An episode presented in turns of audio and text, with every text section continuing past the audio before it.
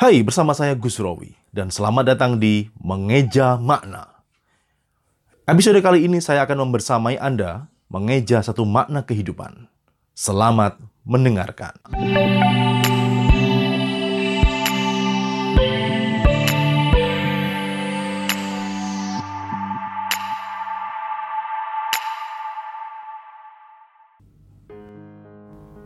Halo para sahabat pembelajar di mana pun Anda berada. Bertemu kembali dengan saya, Gus Rowi. Bagaimana hari-hari Anda? Semoga semua seperti yang Anda harapkan dan sesuai dengan apa yang Anda rencanakan dan juga mungkin sesuai dengan yang Anda inginkan. Saya yakin memang tidak mudah di saat seperti hari-hari ini banyak hal yang membuat kita harus menahan diri, lebih hati-hati menginginkan sesuatu. Bukan kemudian memang kita tidak boleh menginginkan sesuatu yang mungkin tidak mungkin, tapi keadaan di sekitar kita saat ini dengan situasi yang serba penuh dengan keterbatasan-keterbatasan memaksa kita untuk lebih bijak dan lebih masuk akal mungkin ya dalam memprioritaskan hal-hal yang mau kita lakukan. Pada episode kali ini, mengeja makna, saya akan membahas satu topik yang masih berkaitan dengan harapan. Jadi kebetulan di salah satu topik yang ada di dalam buku Mengeja Makna, ada satu judul yaitu harapan. Seperti biasa, saya akan membacakan dulu tentang isi dari topik harapan ini, dan kemudian nanti kita akan mendiskusikan, kita akan coba bahas apa yang menjadi konteks yang menjadi latar belakang munculnya ataupun lahirnya self talk, morning talk saya tentang harapan. Harapan Situasinya seolah tidak memungkinkan. Satu persatu yang diharapkan berguguran. Awalnya bisa mendadak punya acara yang lebih penting. Yang sangat diharapkan hadir justru di akhir waktu berhalangan. Muncul kegalauan, tak bisa datang bukanlah masalah besar. Kemenangan juga bukan tujuan pengen bisa datang dan main saja, luar biasa. Akhirnya, bisa datang, bisa main, dan hasilnya tak mengecewakan. Keteguhan menjalani niat, curahan pikiran, dan perhatian yang tak tergoyahkan membukakan pintu-pintu harapan yang tak terpikirkan saya sudah membuktikan. Demikian tadi topik tentang harapan.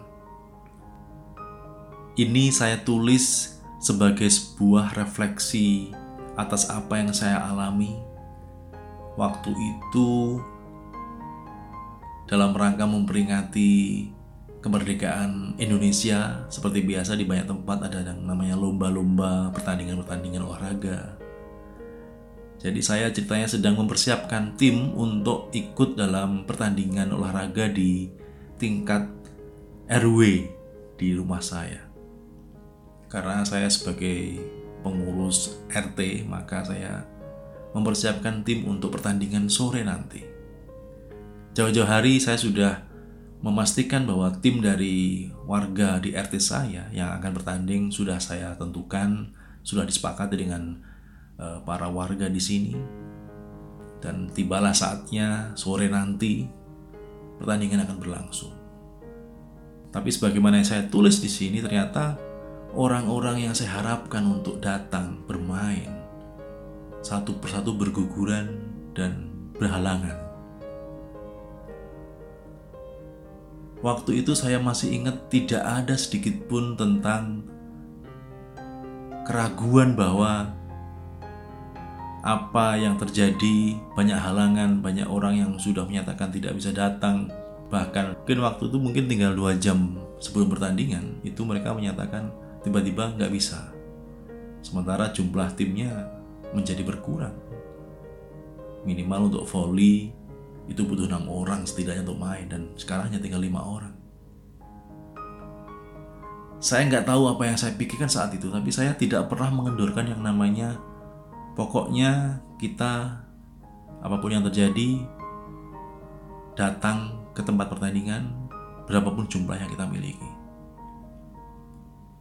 Dan kebetulan memang sampai mungkin uh, sudah pemanasan tim saya, tim di RT saya masih kurang pemain. Karena memang tujuannya bukan untuk kemenangan, tujuannya bukan untuk mencari hadiah, tapi tujuannya adalah sebagai bentuk tanggung jawab untuk menghadirkan, untuk memeriahkan, merayakan kemerdekaan, maka berapapun jumlahnya, saya tetap menyemangati tim saya agar tetap semangat meskipun sampai satu jam ataupun setengah jam sebelum pertandingan jumlah kita masih kurang. Berbagai upaya dilakukan kontak sana kontak sini mencari siapa mungkin dari keluarga dari uh, warga di RT saya untuk ikut mungkin main membantu karena kita butuh satu pemain lagi. Dan ternyata terbukti bahwa keteguhan keinginan saya untuk bagaimana hadir dalam pertandingan ini berapapun jumlah yang kita miliki semesta kemudian mendukungnya tiba-tiba ada satu orang warga di RT saya yang menawarkan diri untuk ikut main. Meskipun dengan catatan saya nggak bisa main, saya belum pernah main volley dan sebagainya. Tapi itu menjadi hal yang di luar dugaan. Ternyata di ujung waktu sebelum pertandingan mulai ada orang yang memang mau datang dan menjadi bagian dari tim. Ini yang kemudian menjadikan saya menuliskan di paragraf ketiga sebagai hal yang sangat krusial bahwa keteguhan menjalani niat. Saya meniatkan diri waktu itu untuk bagaimana berusaha sekuat tenaga mendatangkan tim ke lapangan kemudian kecurahan pikiran dan perhatian yang tak tergoyahkan. Ini merefleksikan tentang bagaimana saya tetap fokus datang ke pertandingan, fokus mencari tahu, mencari informasi tentang siapa yang bisa diajak main, siapa yang bisa melengkapi kebutuhan tim menjadi enam orang. Itu nggak tergoyahkan waktu itu. Tetap berusaha sampai akhir proses meskipun tinggal setengah jam atau sejam. Ternyata upaya-upaya niat yang kuat kemudian fokus curahan perhatian terhadap keinginan kita, curahan perhatian untuk mewujudkan apa yang kita yakini menjadi niat yang baik, menjadi tujuan yang baik, itu membukakan pintu-pintu harapan yang kita sendiri gak pernah membayangkan akan muncul ataupun harapan yang tak pernah terpikirkan sebelumnya. Ini benar-benar menunjukkan tentang bahwa yang namanya perjuangan, yang namanya usaha, yang namanya upaya, jika dilandasi oleh niat yang kuat dan juga dilandasi oleh fokus, curahan perhatian yang tak tergoyahkan, di ujung sana selalu mungkin menawarkan hal-hal ataupun situasi kondisi yang mungkin kita nggak pernah terbayangkan sebelumnya.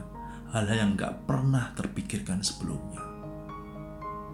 Sesuatu yang di luar mungkin jangkauan kita sebagai manusia mungkin Tuhan menguji kita sejauh mana kita bisa menunjukkan keseriusan dengan niat kita, keseriusan dengan usaha kita, keseriusan kita dalam mewujudkan apa yang benar-benar kita inginkan. Sehingga di ujung sana, hal yang mungkin dalam pikiran kita tidak mungkin bisa saja terjadi. Dan itulah yang saya buktikan. Mungkin kalau saya menyerah, karena pemain nggak cukup di awal proses ya sudah. Nggak ada pertandingan.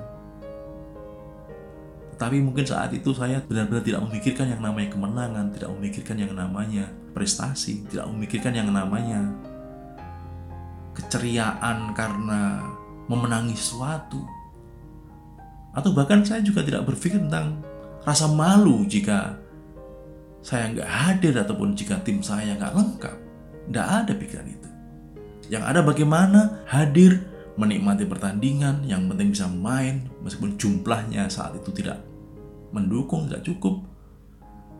Tapi usaha mencari dukungan, mencari peluang mendapatkan satu pemain tambahan itu sampai akhir proses benar-benar saya jalani.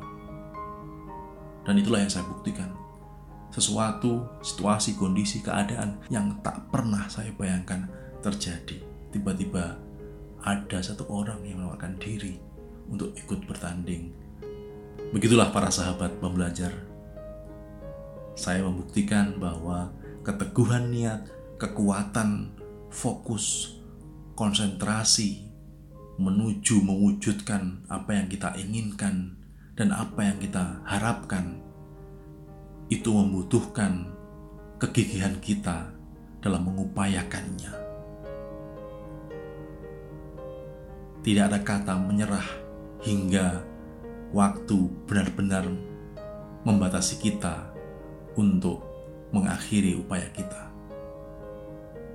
Dan terkadang kita mendapatkan suatu situasi, kondisi, keadaan yang sangat membuat kita terkejut karena di luar nalar kita dan di luar yang bisa mampu kita bayangkan sebelumnya.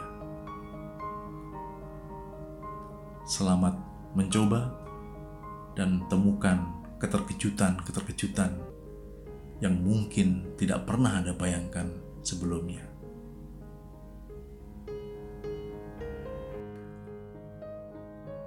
Demikian mengeja makna hari ini. Terima kasih telah mendengarkan dan sampai jumpa di episode mengeja makna berikutnya. Salam damai, selamat memaknai.